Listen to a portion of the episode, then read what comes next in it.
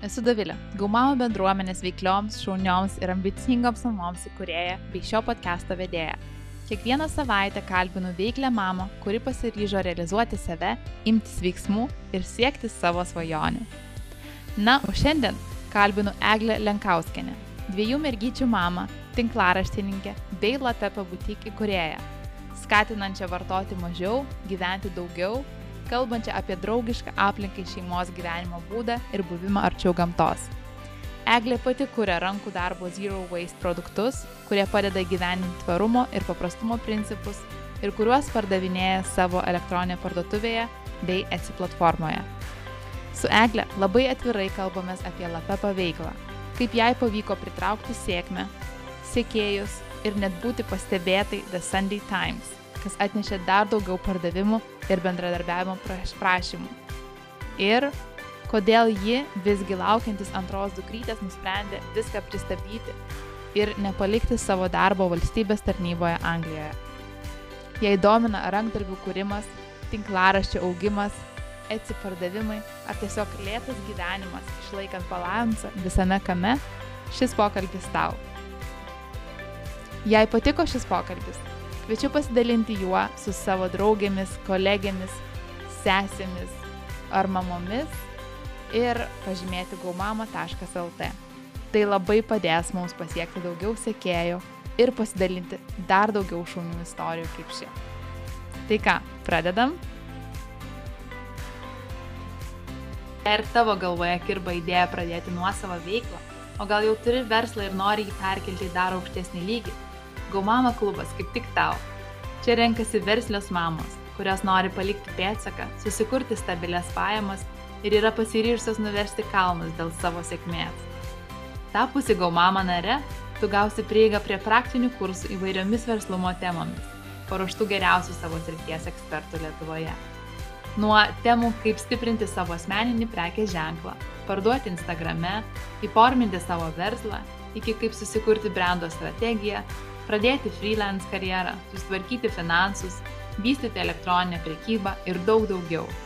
Taip pat kiekvieną mėnesį čia rasi vis po naują kursą, galėsi dalyvauti klausimų atsakymų sesijose, narių mastermind sesijose, sudalyvauti karštoje kėdėje, gauti daugiau viešumo, o svarbiausia - būti apsupta vienintelės tokios Lietuvoje veiklių mamų bendruomenės, kuri yra ypač stipri, aktyvi ir palaikanti vieną kitą kad niekada nesijaustum vieniša ir nesuprasta šiame sunkiame verslo vystimo kelyje.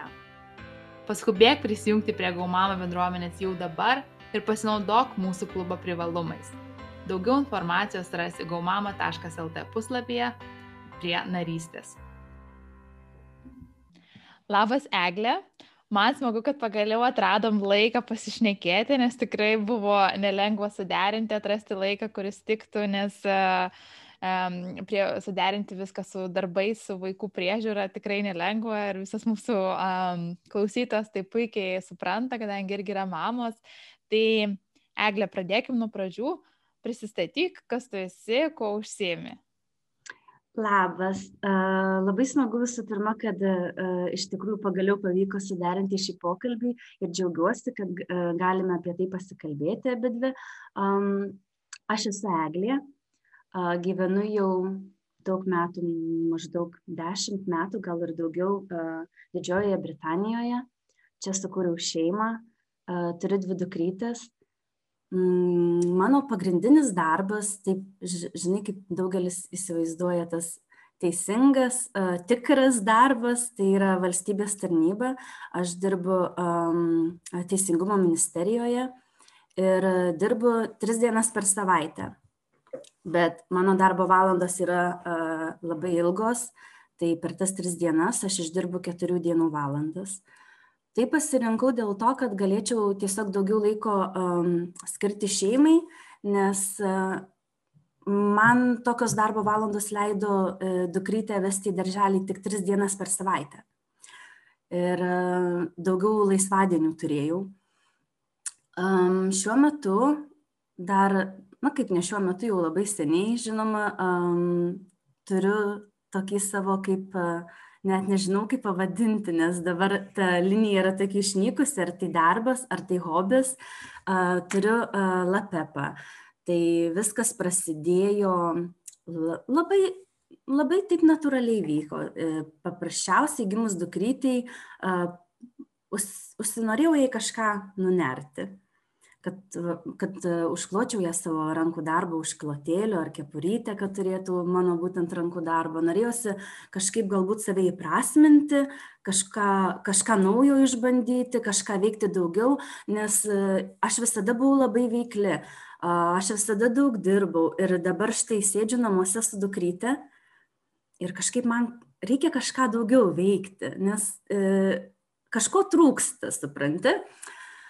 Tai pirmiausia, pradėjau vat, dukrytį mėgsti.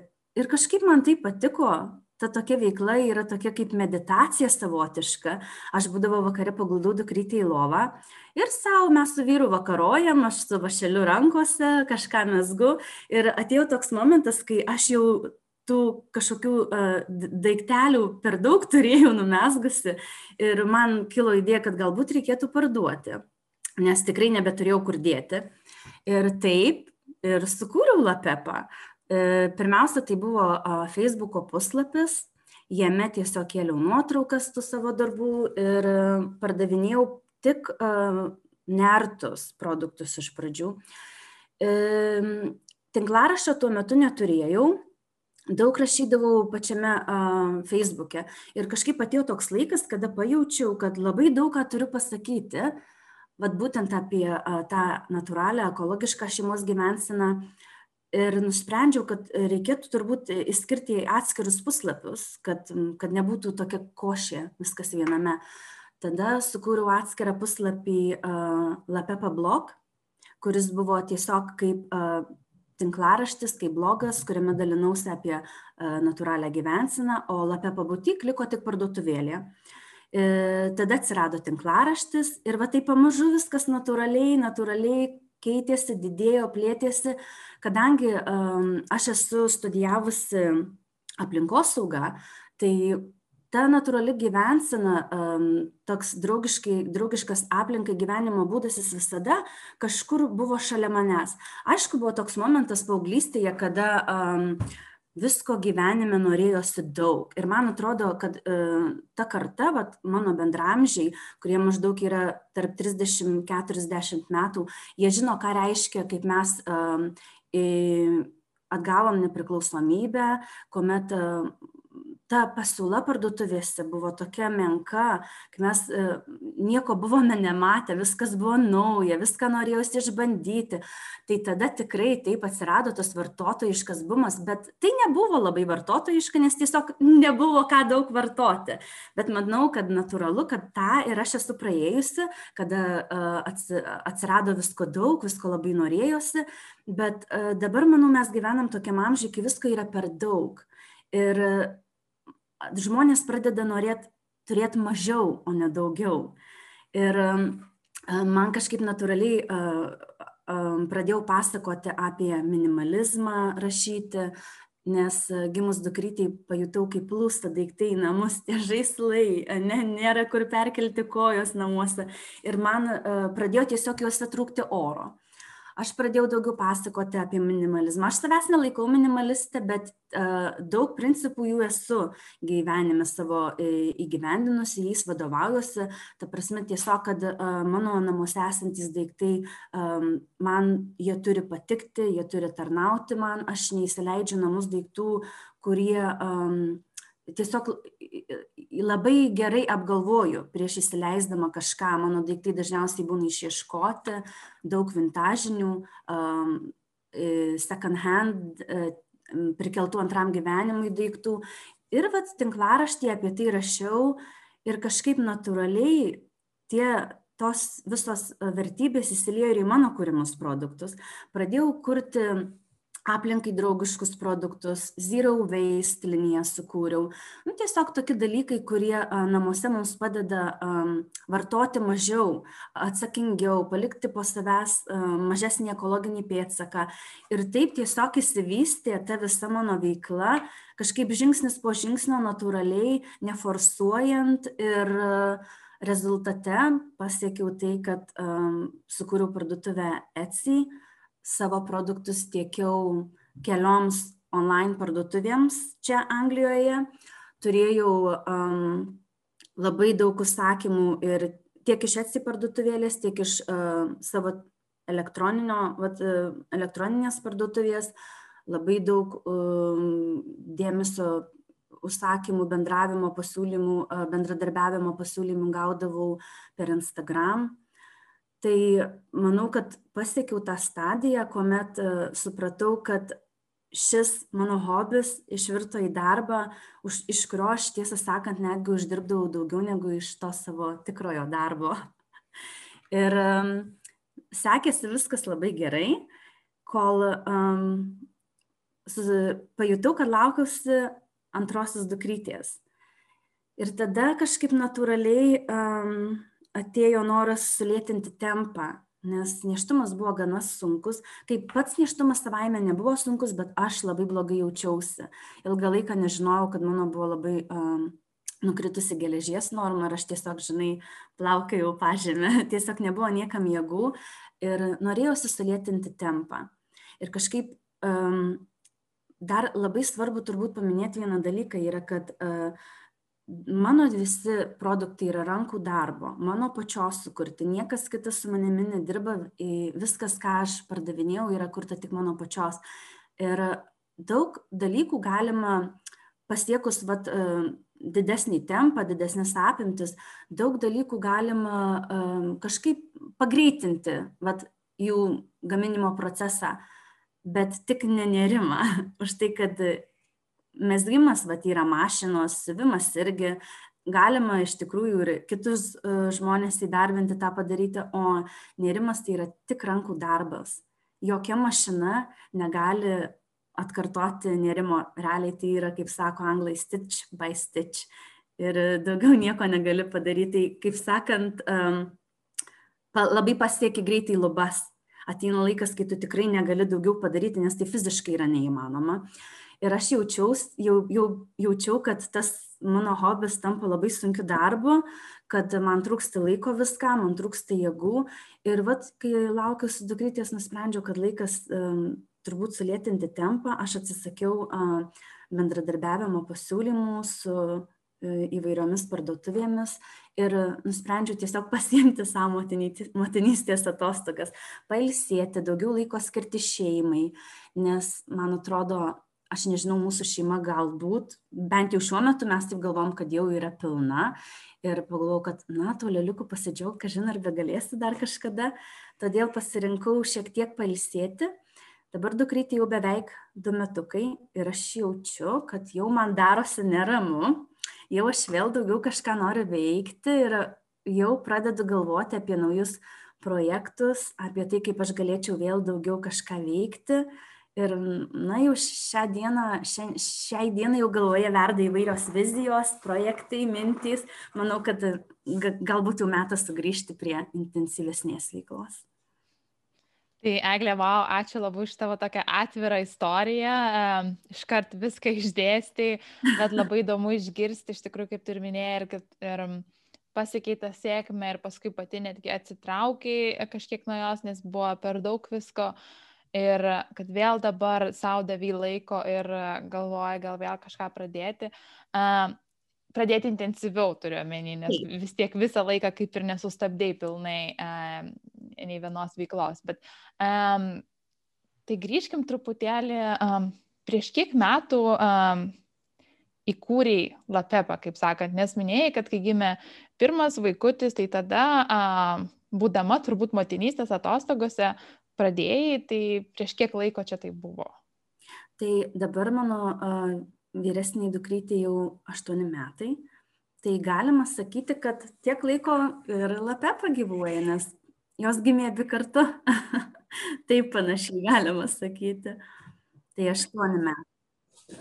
Ir jeigu prisiminus tą visą pradžią, kaip minėjai, kad ir um, pavyko tau gauti ir viešumo nemažai, ir uh, pasiekti parduotuvės, tai čia kaip suprantu Anglijoje, tai kaip, gal gali papasakoti, kaip visa tai atrodė, po kiek laiko um, tu pasiekiai uh, daugiau klientų, po kiek laiko atsirado Etsy parduotuvė?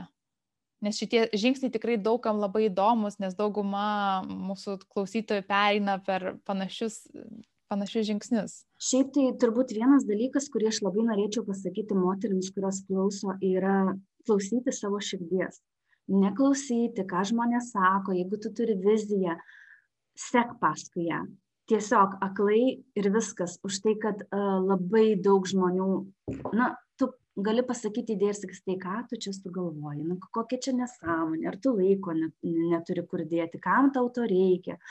Tikrai labai daug žmonių bus aplinkui, kurie um, tau gal nulauž sparnus, sakykim taip. Aš manau, kad uh, tiesiog turi drąsiai eiti ten, kur tavo širdis sako, kad turi eiti. Panašiai ir man buvo, kai aš pradėjau uh, nerti tuos pirmosius dukrytės um, batukus, kepurytės, užklotėlius. Tai atrodė taip nerimta ir daugelis tikrai buvo žmonių, kur net daugelis, gal net taip įsireiškiau, bet buvo tokių komentarų iš, iš šalies, tokių su šypsena, su juoku, kad, na, kažkokia čia nesąmonė darau. Bet e, man tiesiog buvo gera tai daryti. Aš nedariau to tam, kad vat, aš čia kursiu kažkokį verslą. Tai buvo tiesiog mano uh, savęs toks įprasminimas. Aš dariau tai, kas man patiko. Visų pirma, mano uh, dukrytė buvo labai sunkus vaikas. Ji daug verkė, labai prastai miegojo. Ir man tas nerimas buvo tokia, sakau, kaip meditacinė veikla, kuri man tiesiog leido atsipalaiduoti, aš jaučiausi gerai ir kiekviena, manau, tuo metu atrandame, kas kas mums yra vat, prie širdies. Ir aš dariau tai, ką aš norėjau daryti ir viskas. Ir kuomet sukūriau Facebooką, man atrodo svarbiausia, kad tie patys mano artimiausi žmonės, jie mane labai palaikė, tai yra mano vyras, mano šeima, mano geriausios draugės. Mm, tai buvo labai um, gal lengviau pradėti, kai tu jau turi pamatus palaikymo, nes jeigu visi iš tikrųjų e, tik pasijuokia iš tavo Dievos, tada tikrai labai sunku reikia daug jėgos turbūt, kad e, vis tik tą savo kažkokį tikslą, norą įgyvendintum. Nors e, pas mane aiškios vizijos nebuvo, ką aš darau, kokiu tikslu, tai tiesiog buvo tokia mėgiama veikla. Aš nepasakysiu, kaip mane tie žmonės surado, kaip jie pamatė tiesiog, bet kažkaip ir pastebėdavo Facebook'e tuos darbus, e, nes turėjau tik Facebook'o puslapį tuo metu.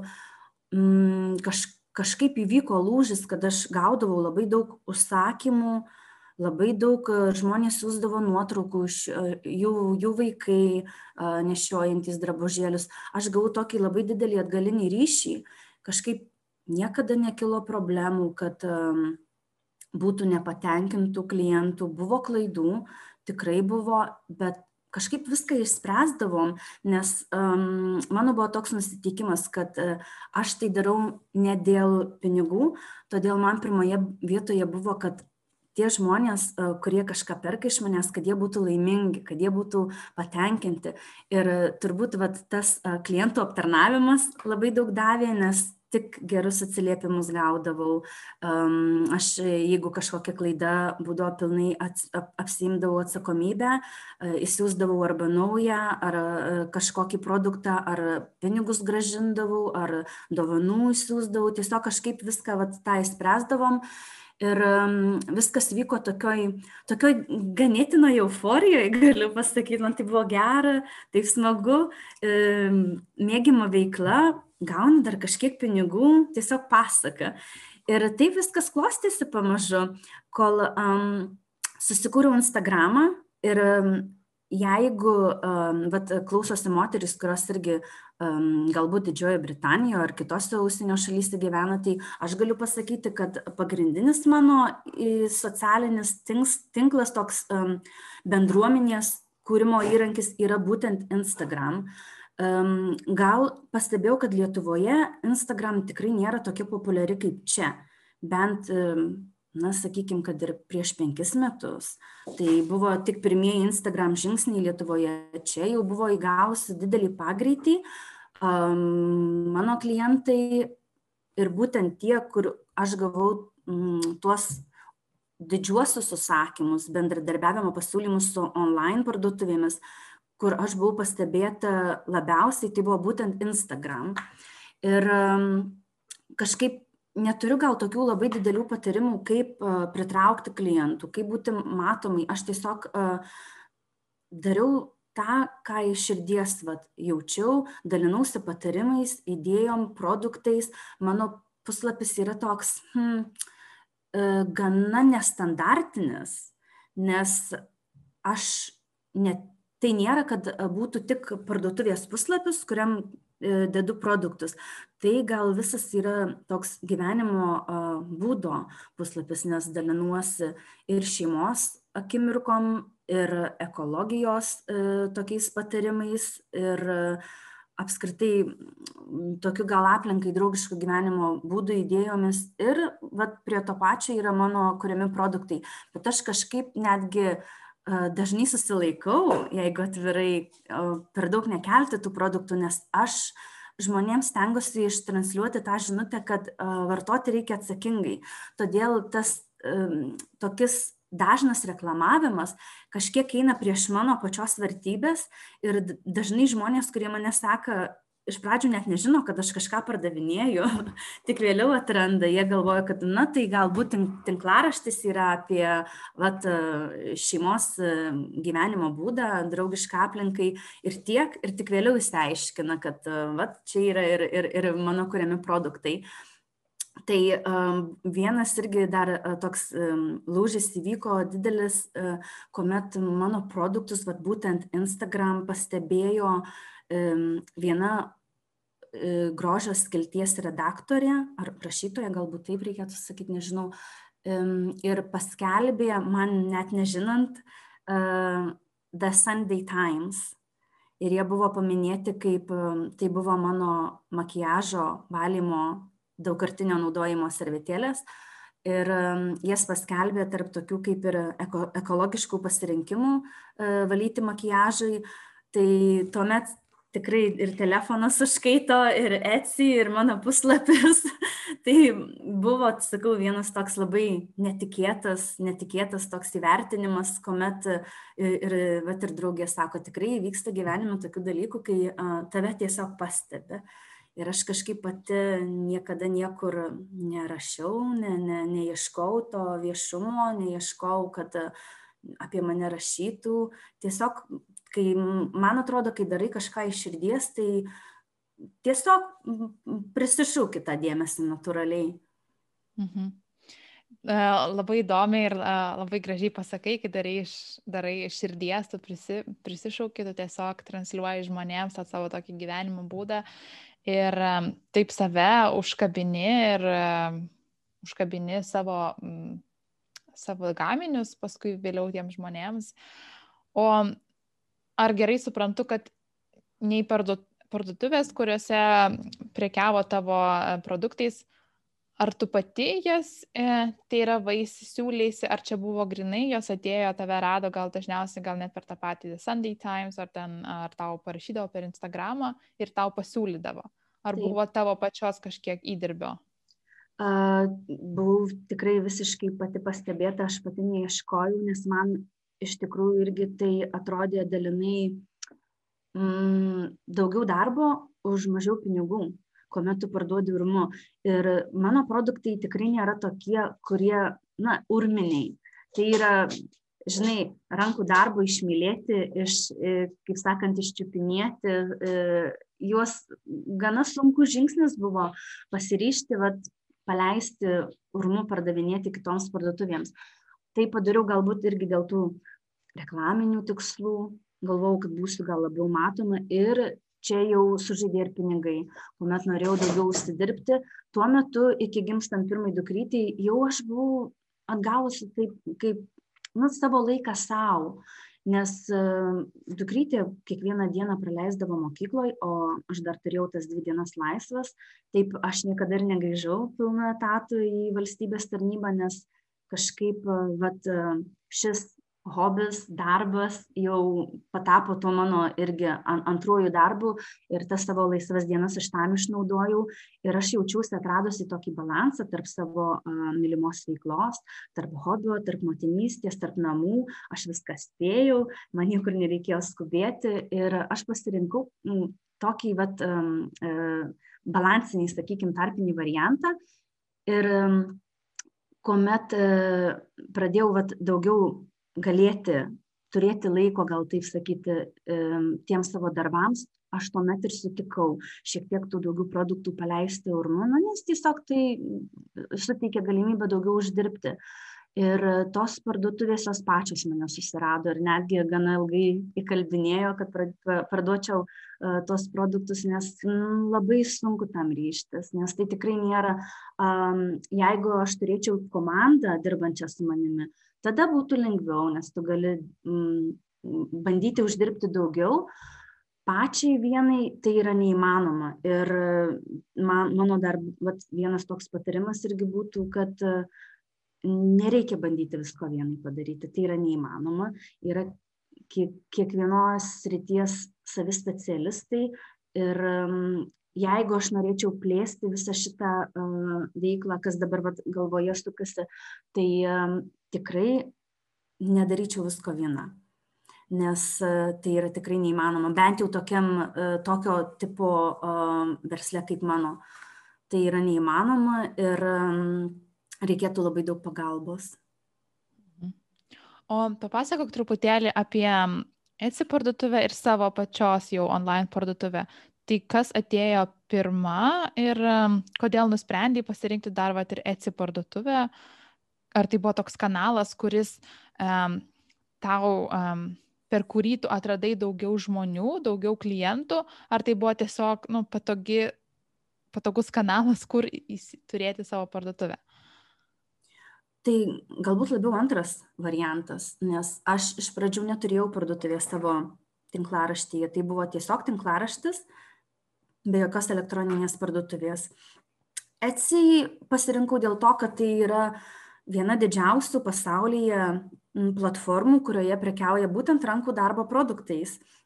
Ir um, daugelis žmonių, kurie galbūt mm, nevertina rankų darbo, jie pagalvos, hmm, kodėl aš čia turėčiau už tokį e, mažą daiktelį tiek daug mokėti, nes jie neįvertina, kiek darbo e, yra įdėta vat, sukurti tą mažą produktą. O būtent Etsy bendruomenė yra ta, kuri apima, sujungia žmonės, kurie būtent vertina rankų darbą, kurie uh, nori um, um, padėti smulkiajam verslui, e, nori pirkti iš e, tų smulkiųjų kuriejų, menininkų ir būtent e, atveria duris į, vat, į, į tą pirkėjų, kaip sakant, bendruomenę. Todėl susikūriau parduotuvę pirmiausia ten. Iš pradžių, man atrodo, aš, hmm, aš jau ją buvau seniai susikūrusi, bet nieko nepardavinėjau. Kažkaip man, nežinau, buvo labai sunku iš pradžių atrodė e, viskas labai komplikuota ir kažkaip po kiek laiko, kai pamaniau, kad jau Facebooką išaugau, kad kažko reikėtų daugiau, nes iš pradžių tuos užsakymus priiminėjau per Facebooką, asmeninėmis žinutėmis. Tai, sakau, buvo tokia gana vaikiška stadija. Ir kuomet aš Facebooką išaugau, tada susikūriau uh, Etsy. Ir tada taip, tikrai padaugėjo um, matomumo, užsakymų ir kažkaip tiesiog vieną vakarą pati prisėdusi ryžiausi, kad reikia įsiaiškinti tą, tą etsy ir viskas buvo daug paprasčiau, negu man ten atrodė iš pradžių. Tai labai patogi platforma, labai lengva ją naudotis, bet laikui bėgant etsis tapo toks, hm, net nežinau, kaip įvardinti. Iš to tokio, iš tokios platformos e, remiančios tuos smulkiuosius verslininkus tapo, man atrodo, tokia truputį pinigų kalimo mašina. Ir labai daug žmonių yra nusivylusių Etsy dėl to, kad e, labai daug mokesčių atsirado. Iš pradžių, kai aš pradėjau ten, nežinau, prieš kokius aštuonerius metus tai buvo mokestis už tą skelbimą ir labai nedidelis pardavimo mokestis. Dabar tų mokesčių ten yra begalė, jau aš pati sunkiai orientuojuosi, labai daug taisyklių skirtingų um, pardavimams į skirtingas šalis, labai daug niuansų dėl siuntimo. Um, tiesiog tapo gana sudėtinga ir gal netgi finansiškai nepatogi už tai, kad per brangi tiesiog. Tai tuomet kilo idėja, kad um, kodėl gi nesusikūrus savo puslapyje tos internetinės parduotuvės, nes puslapis jau buvo gana įsivažiavęs, e, susilaukė daug skaitytojų. Manau, kad ir Instagramui tas matomumas labai padeda tiesiog nukreipi į, ne į Etsy parduotuvę, o į savo parduotuvę tinklaraštyje skaitytojus ir labai viskas paprasta. Bet e, tiesą sakant, likščiol aš taip ir neuždariau Etsy, nes e, man labai lengva jas turėti abi.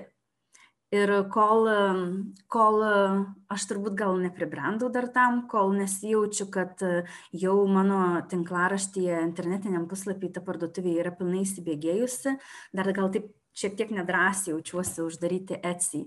Be to ir produktai šiek tiek skiriasi Etsy ir mano parduotuvėje, nes uh, Etsy yra daug produktų, nuo pat mano mm, tos kūrybinės darbo pradžios, o tinklaraštyje aš jau esu įsigrynusi produktus, kuriuos norėčiau matyti ateityje, kurie, yra, kurie labiau atitinka pat mane, mano vertybės, mano įsitikinimus. Ir e, bus daugiau žinoma jų, bet daugelis tų, kurių yra etsy į mano puslapį taip ir net keliaus daugiau. Ei, ačiū, kad klausai. Norėjau trumpai priminti, kad jei dar nesigau mama nare, labai kviečiu tave tai padaryti.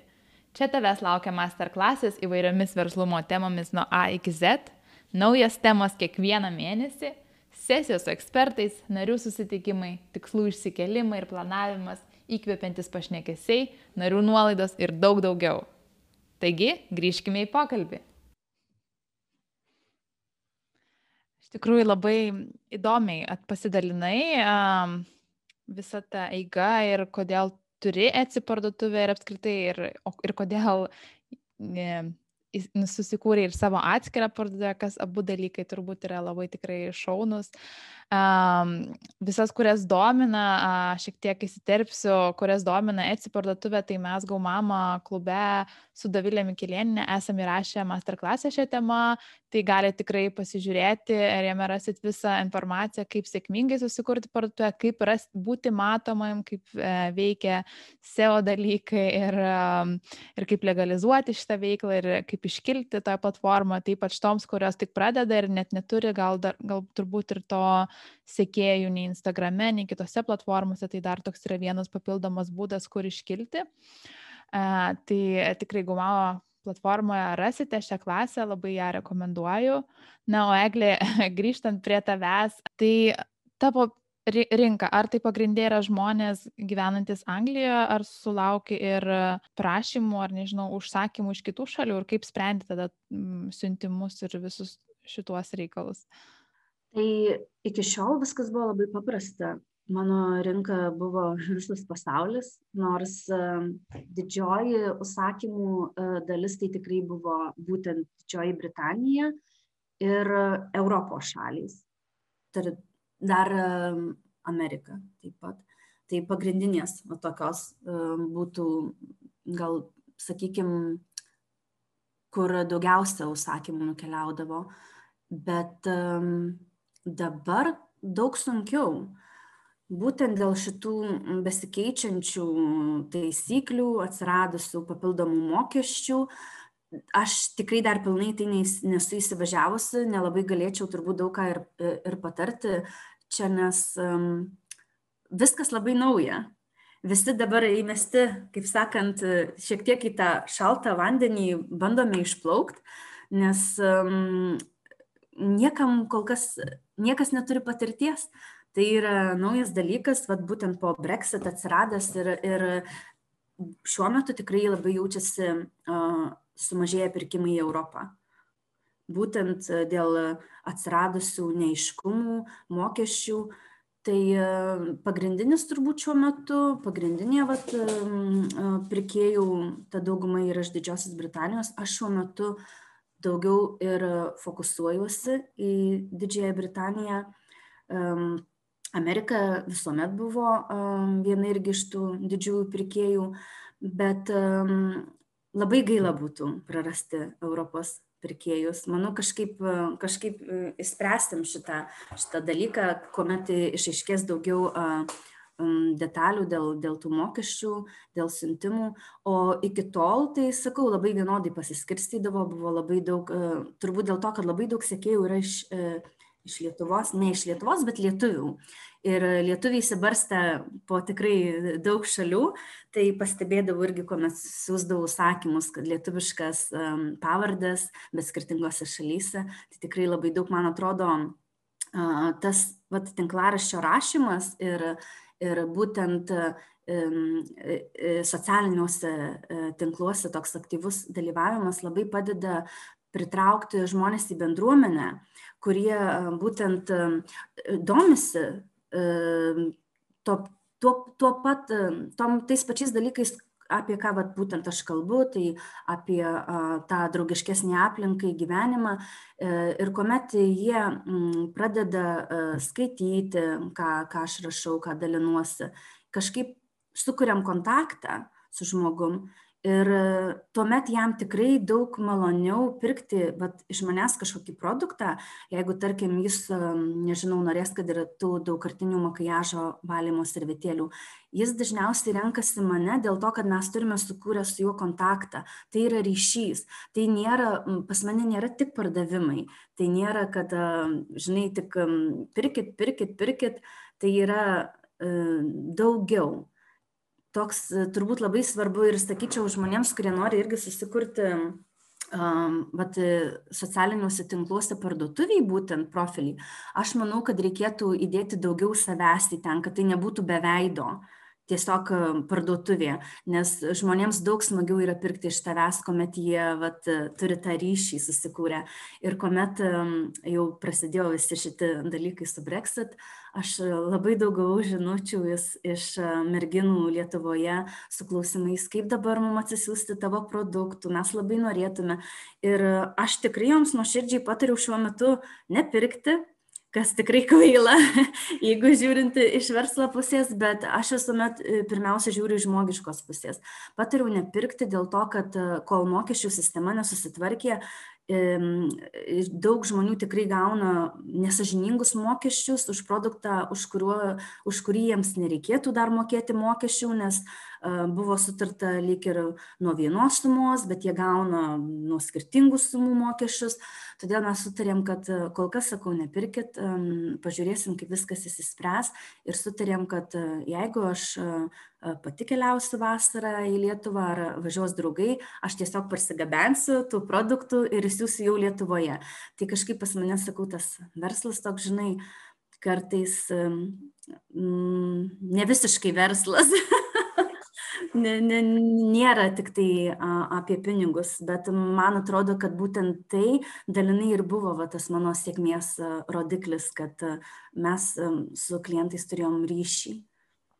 Taip, nes žmonės perka tai, um, kai mes perkam iš ryšio, iš žmogaus, tai mums net ir ta kaina kartais netaip kandžiasi, nes mes netaip jau, mes perkam iš to žmogaus, mes žinom, kiek jis meilės įdėjo, mes žinom, ką jis daro, o jeigu mes dar ypač šnekame apie tuos zero waste, apie minimalistinius, tai tos, kaip tu pati pradžioje minėjai, tai išieškotus daiktus, kaip kur mums yra svarbu, ką mes parsinešame namus, tai mes ne tiek ieškom, kaip čia sutaupyti vieną ar kitą eurą ir ar man prasisiųsti ten, tarkim, nežinau, kur tą patį produktą galėčiau rasti kokiai nors AliExpress, bet tai, nu, mes šnekam visiškai skirtingus dalykus. Aš kaip sakiau, turbūt tai labai viskas mano veikloje yra persipinę. Ir tai, ką aš pasakoju savo skaitytojams apie tai, kad vartoti mažiau, bet atsakingiau, lygiai taip pačiai pereina į tą vat, daiktų pirkimą žmonės investuoja ne į kiekybę, o kokybę. Todėl tikrai jie geriau pirks brangesnį daiktą, rankų darbo, jie žino, kad jie paremia vat, šeimą, mamą, kaip labai prieš e, šventės e, kalėdas būtent e, tuose socialiniuose tinkluose sukasi tokia žinutė, kad kai perkate iš, iš tų smulkiųjų verslininkų, tai remiate ne, ne, ne industrijas didžiasis, o būtent leidžiate šeimai padėti maistą ant stalo, suvaikėti už vaikų darželius, galbūt paskolas mokėti. Tai gera yra pirkti tada, nes sumoki daugiau, bet tu žinai, kur tie pinigai nukeliavo tai man atrodo vat ta mano veikla yra labai mm, viskas persipynęs e, savyje. Ir e, iš tikrųjų yra ir pliusų ir minusų nes kartais atrodo būtų daug lengviau galbūt kai tu um, turi aišku profilį kur va tik produktai tavo tik parduotuvė arba tik tinklaraštis. Ir yra sunkiau atrasti tą balansą kaip e, ištransliuoti viską drauge kad nebūtų nei kažko per daug nei kažko per mažai Tai Eglė dar papasakok truputėlį, kokios tavo buvo didžiausios pamokos per visus šios metus, ko tu pasimokiai, ko, ko dabar darytum gal mažiau ir ką darytum daugiau. Uh, turbūt pati man tokia vat, didžiausia pamoka, kurią aš jau kažkiek ir minėjau, tai kad um, nedaryti visko vienai, nebandyti visko pasidaryti pačiai. Reikia uh, mokėti ieškoti pagalbos, ją priimti, um, turbūt kurti savo komandą, gal taip reikėtų pasakyti, um, investuoti į save, apmokymus, vad kaip ir minėjai, pavyzdžiui, um, Etsy uh, mokymus. Uh, tai yra labai labai svarbu, nes tu tikrai sugaiši daugiau laiko, e, bandydama pati e, įsiaiškinti, negu vat, nuėjus į kažkokius profesionalius kursus mokymus, nes ir tas SEO pradžiai um, turbūt daugam gali apsukti galvą. Ir likščiau daugam yra, ypač, žinai, toms meniškoms sieloms žmonėms, kuriejams, tai, tai yra mm, kažkas kosmosas, tos, bet tu tą turi padaryti, jeigu nori būti sėkmingas, matomas, jeigu nori uždirbti pinigų. Todėl mano toks pirmas patarimas būtų ieškoti, ieškoti ir dar kartą ieškoti pagalbos profesionalų, kreiptis į žmonės, kurie išmano geriau tą sritį negu tu ir um, nebijoti um, perleisti gal kažkiek to uh, savo verslo kitiems žmonėms, nes uh, man visada atrodė, kad niekas nepadarys taip gerai kaip aš. Bet uh, tuo pačiu tu ir pasieki lubas greičiau jeigu atrandi žmogų, su kuriuo gali kurti drauge, um, tos lubos pakyla aukščiau. Tai mano galbūt klaida buvo ta, kad uh, neįsileidau uh, tos pagalbos anksčiau ir vat būtent kuomet jau laukiausi antrosios dukrytės, galbūt jeigu būtų dirbę daugiau žmonių, gal nebūtų reikėję man ir tos pauzės taip greitai paspausti. Bet kadangi aš buvau viena o ir laiko jau tada kuomet jau nėra jėgų daugiau dirbti jau tuomet laiko kurti komandos tikrai nėra tai manyčiau kad vat čia galbūt buvo tokia mano nežinau ar klaida nes jaučiuosi gerai Jau, Pamoka tiesiog. Taip, nes nesijaučiu, žinai, kad kažką praradau, bet uh, vat, tokie pamastymai, kad uh, moteriams apie tai pagalvoti tikrai verta. Mhm. Tikrai ir, ir aš pati iš savo patirties ir ne viena mano pašnekovė, kurią kalbinau, minėjo tą patį, kad um, galėjo anksčiau paprašyti pagalbos, prisimti tos pagalbos, ar tai specialistų, ar tai partnerių, nes tuomet kažkaip ir tas verslas gal iš to vaikiško patampa tokiu tvirtesniu ir patampa verslu mm. labiau. Ir bet dar, bet būtent tas irgi labai svarbu, kad uh, kol mes kalbam apie tai kaip apie hobį, ką aš labai dažnai sakau, kad tai yra mano hobis, tol tai ir nebus verslu. Kada pradėsi apie tai rimtai kalbėti, e, tuo rimtai užsiimti, tada tai ir tas verslas. Pas mane taip ir buvo. Nes kol užsiimiau tokiais, žinai, žaidimais, tai ir buvo žaidimų lygyje. Kada pradėjau apie tai galvoti rimtai, e, pradėjau skirti tam laiko, vat, tiesiog darbo dienas turėjau, tada tai ir patapo verslu. Tai labai svarbu, kad tą savo veiklą ir vertintum kaip verslą, vertintum rimtai, atrastum tam laiko, man labai padeda planuoti. Tai tiesiog yra užsirašyti savo darbus, ką tu turi padaryti, per kiek laiko. Nežinau, galbūt kiekvienam reikėtų atrasti, kas jam veikia. Man veikia vizualizacija. Aš turiu matyti, aš turiu pasižymėti, aš labai mėgstu varneles sudėti, kas atlikta. Ir man tai yra savotiškas toks, žinai, spyris daryti darbus, nes vat, reikia uždėti varnelę ir aš matau, ką aš konkrečiai turiu pasidaryti, nes pas mane galvoje tiek, tiek minčių, tiek idėjų, viena ateina, kita išeina, jeigu aš neužrašau, aš ją pamirštu, jinai išėjo viskas, ate. Tai man atrodo, kad rašytis, žymėtis, ką savo idėjas, ką noriu pasidaryti, pasiplanuoti laiką ir atrasti dienoje valandas, kada tu savo darbui skiri laiką. Tiesiog tai turi būti, kad e, dabar aš dirbu, ne, ne, ne šiaip e, skrolinu telefoną ar dar kažką, bet tai savo veiklai skiri dėmesio. Ir kada vat, mes jau ją pradėsim, sakau, taip pat vertinti kaip, kaip darbą, tai ir, ir taps ta tokia rimta veikla. Mhm. O Eglė, ar turi dar kažkokių rutinų ar kažkokių įpročių, praktikas, gal kažkokias darai pati, kurios tau be planavimo dar padeda uh, nudirbti visus darbus, nes darai tikrai labai daug? Uh, Sunku pasakyti iš tikrųjų. Mm, kažkaip ta mano veikla tokia yra, kad jinai labai iš savęs, iš gyvenimo. Ir pavyzdžiui, net ir tie vat, įrašai tinklaraštyje pas mane, jie nebūna išforsuoti, nebūna taip, kad aš dabar norėčiau parašyti apie tą ir dabar man taip reikėtų padaryti.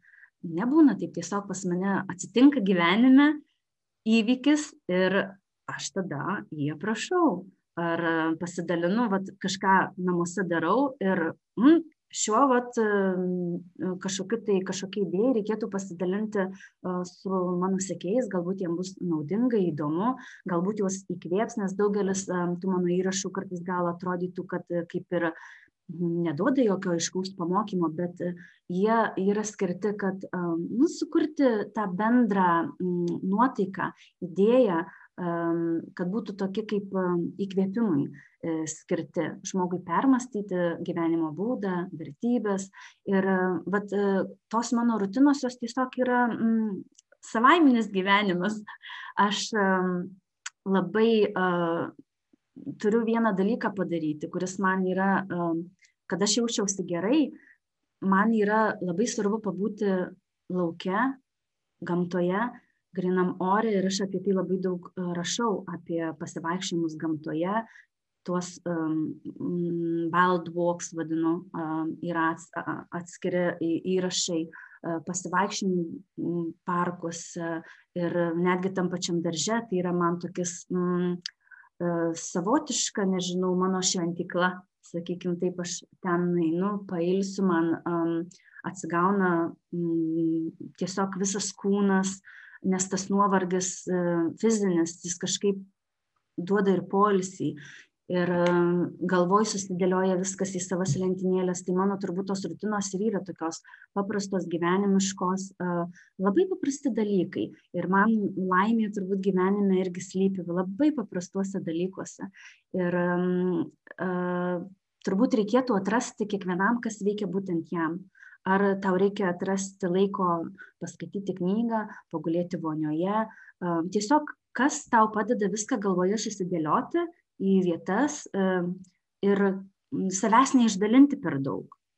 Vat, pavyzdžiui, savaitgaliais aš dažnai atsitraukiu nuo Instagramos, aš stengiuosi, nes labai įtraukia vat, tas bendravimas būtent kaip ir su mano bendruomenė yra draugiškas ryšys. Mes e, daug tokių vat, instagraminių pažinčių išvirto į tikras draugystės. Ir, ir žmonės yra, kuriuo aš gyvenime nesu mačiusi, patapę tiesiog tikrais draugais ir mes daug plepam, e, daug juokaujam ir tarp kitko tai labai pradėjo, padėjo išgyventi um, visus karantinus, nes buvo labai daug draugų Instagrame, internete. Tai um, man reikia tiesiog savaitgaliais nuo to atsitraukti, nes pas mus savaitgaliai būna tokie gana užimti ir aš noriu uh, rasti laiko tam lėtesniam buvimui. um, tiesiog kažką pasidaryti namuose, išeiti į tą patį daržą, kieme, namuose, nes namas irgi mūsų reikalauja daug dėmesio, daug darbų, tvarkomės pabiškai, tai tiesiog tokie visi um, dalykai, kurie yra man iš, iš vidaus padiktuoti, kad um, metas pailsėti, susidėlioti viską galvoje ir aš kažkaip tada po tokio savaitgalio vėl pirmadienį su džiaugsmu grįžtu prie darbų, Instagramų, užsakymų ir man atrodo, kad tiesiog kiekvienas turi atrasti, kas veikia jam pačiam. Aš tavęs klausantis labai jaučiu tokį, nežinau, tokį zen, tokį, man, man taip gera, taip ramu ir tiesiog norisi taip lietai gyventi, ta prasme, yra tas užsispyrimas daryti, veikti, bet, bet tiesiog ieškoti to tokio balanso. Bet čia labai apgaulingas dalykas, nes daugelis man sako irgi, vat, sekėjau Instagram'ai, pažiūrėjau, sako, pas tave tai ten viskas atrodo, žinai, taip tvaru, darnu, ramu, bet sakau, tai yra taip apgaulinga, nes mano namuose amžinas chaosas. Mano vaikai yra tie, kurie Mm, yra patys garsiausi, labiausiai išdykę, kur neklauso, kur, žinai, jiems reikia daug erdvės, e, kur energija tiesiog sproksta. Ir e, ramybės mūsų namuose tikrai labai mažai, bet man atrodo, tas va, išorinis chaosas manęs neveikia, nes aš viduje esu rami. Už tai, kad e, aš darau gyvenime tai, ką aš noriu galbūt dabar jaučiasi pas mane yra tas etapas, kur aš jaučiu, kad aš kažko nepadarau, nes labai daug yra idėjų, kurių nor, jau atsirado noras įgyvendinti ir aš tą jau ruošiuosi padaryti, nes aš e, dabar vad du metus tokiu, žinai, žiemos miegu miegojau. E, buvau susitelkusi į tą vat, motinystę, į vaikučių auginimą namuose. Namai labai daug dėmesio reikalavo, kadangi, kaip minėjau, persikraustėm į naujus namus.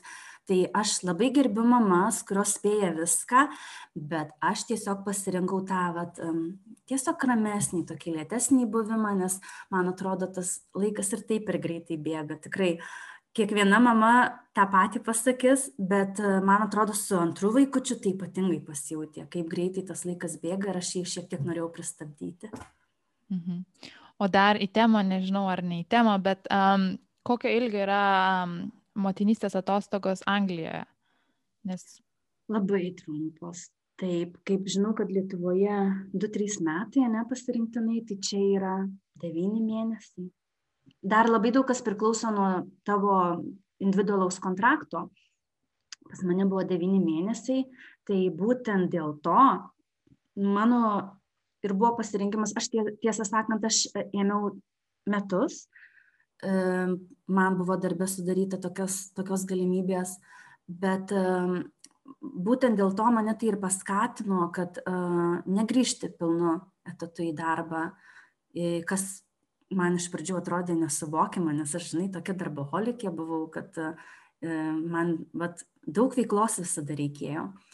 Ir aš kažkaip dabar tą veiklą atrandu namuose, aš pilnai save re, realizuoju ir kaip vat, pirmus, pirmai dukrytį gimus, aš to laiko atrodo turėjau per daug, dabar aš turiu tiek veiklų, tiek darbų, su dviem dukrytėm, net ir tose motinystės atostogose, aš tikrai nesijaučiau, kad man trūksta veiklos, man trūko laiko, ne veiklos, trūko laiko.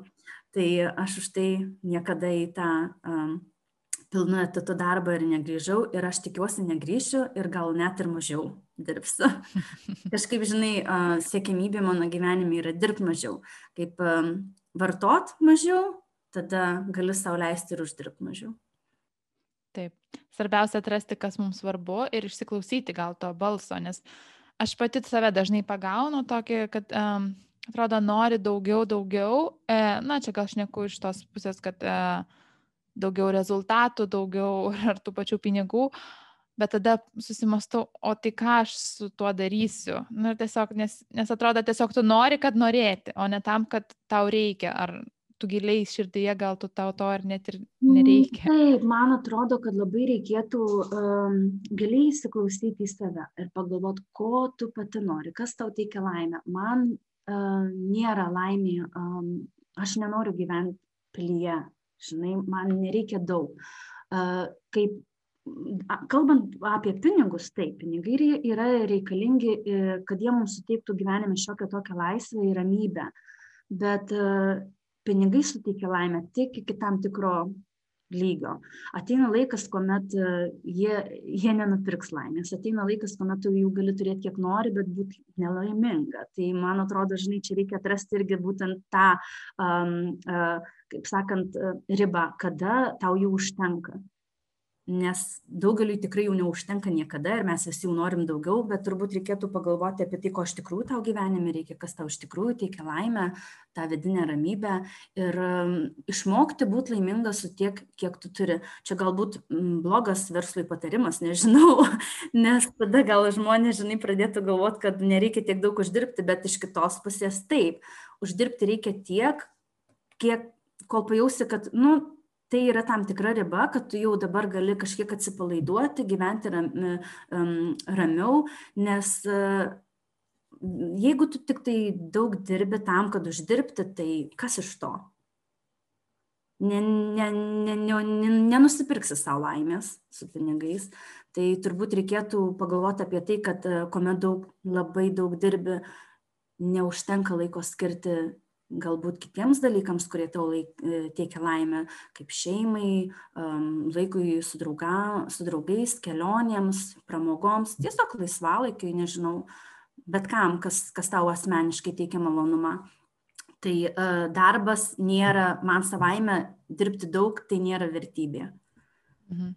Čia taip, tai mes turbūt grįžtam irgi prie ką minėjai ir anksčiau, kad um, reikia tiesiog irgi surasti pagalbos, reikia nebūtinai dirbti daug, bet dirbti efektyviai. Būtent, ir ieškoti. Labai teisingai. Nes mes e, vien, kad mes sėdėsim 8 valandas e, ir nieko gero iš to nepadarysim, tai irgi nieko, nieko neduos didelių mhm. rezultatų. Tai, um, ką, Eglė, labai smagu su tavim pasišnekėti, išgirsti šitą tavo visą istoriją.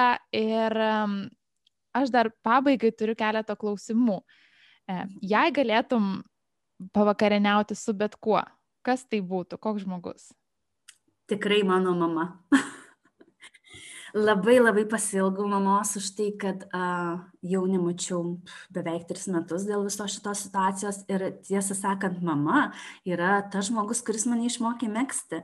Mėgsti, siūti, jinai um, pati labai daug produktų lapepai padeda uh, numėgsti ir uh, tiesiog nežinau mama yra mano viena geriausių draugių viena brangiausių žmonių ir tikrai nenorėčiau, neiškyščiau jokių į garsų žinomą žmogų, labai paprastų dalykų noriu gyvenime, noriu mamos. labai gražu ir tikrai turi būti labai sunku jau taip ilgai nematyti. Tai linkiu, kad greitai įvyks šis susitikimas. Labai ačiū, labai tikiuosi, kad taip ir bus. Ir vieta, į kurią nekantrauji sugrįžti. Hmm, norėčiau sugrįžti į uh, mačiutės namus į kaimą, nes tai irgi um, ta vieta, kuri turbūt mane su, suformavo kaip asmenybę, uh, iš kur atsirado ta meilė gamtai, meilė aplinkai, galbūt netgi ryšys su gamta, nes būtent iš senelių tą tokį gyvenimo būdą, būdama su jais mačiau tą tokį gyvenimo būdą, kontaktą um, su gamta, ir e, labai norėčiau sugrįžti ten, nes Lietuvoje nebuvau labai daug metų ir e, ten daug kas pasikeitė, tai yra tiesiog, žinai, e, tos pievos mano vaikystėje išbraidytos, labai labai noriu pamatyti, kaip ten viskas atrodo ir tiesiog papūti ten, kažkaip įsižeminti. Ir kur mes galime tave rasti? Um, tai pirmiausia, um, mano internetinėme puslapyje www.lapepabutik.com ir socialiniuose tinkluose, šiaip Facebook'o paskyrose tikrai nesu aktyvi, nes man visko kažkiek gal visi tie puslapiai yra per daug. Tai aktyviausia esu Instagramoje, ten tikrai bent jau stories beveik kasdieną kažką įkeliu. E, tai Instagramui Lapepa Butik. Tai ačiū Eglė tau ir e, gražios dienos. Labai ačiū ir tau. Ate. Ačiū tau, kad klausėsi. Naujas įrašas išeina kiekvieną savaitę, tad nepamiršk prenumeruoti GoMamo podcast'o savo mėgiamuose podcast'o platformose.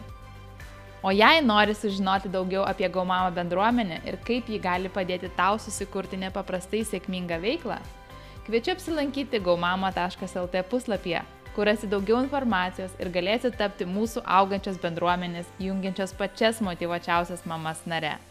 Čia tavęs laukia masterklasis įvairiomis verslumo temomis nuo A iki Z, naujos temos kiekvieną mėnesį, sesijos ekspertais, narių susitikimai, tikslų išsikelimai ir planavimas, įkvepiantis pašnekesiai, narių nuolaidos ir daug daugiau.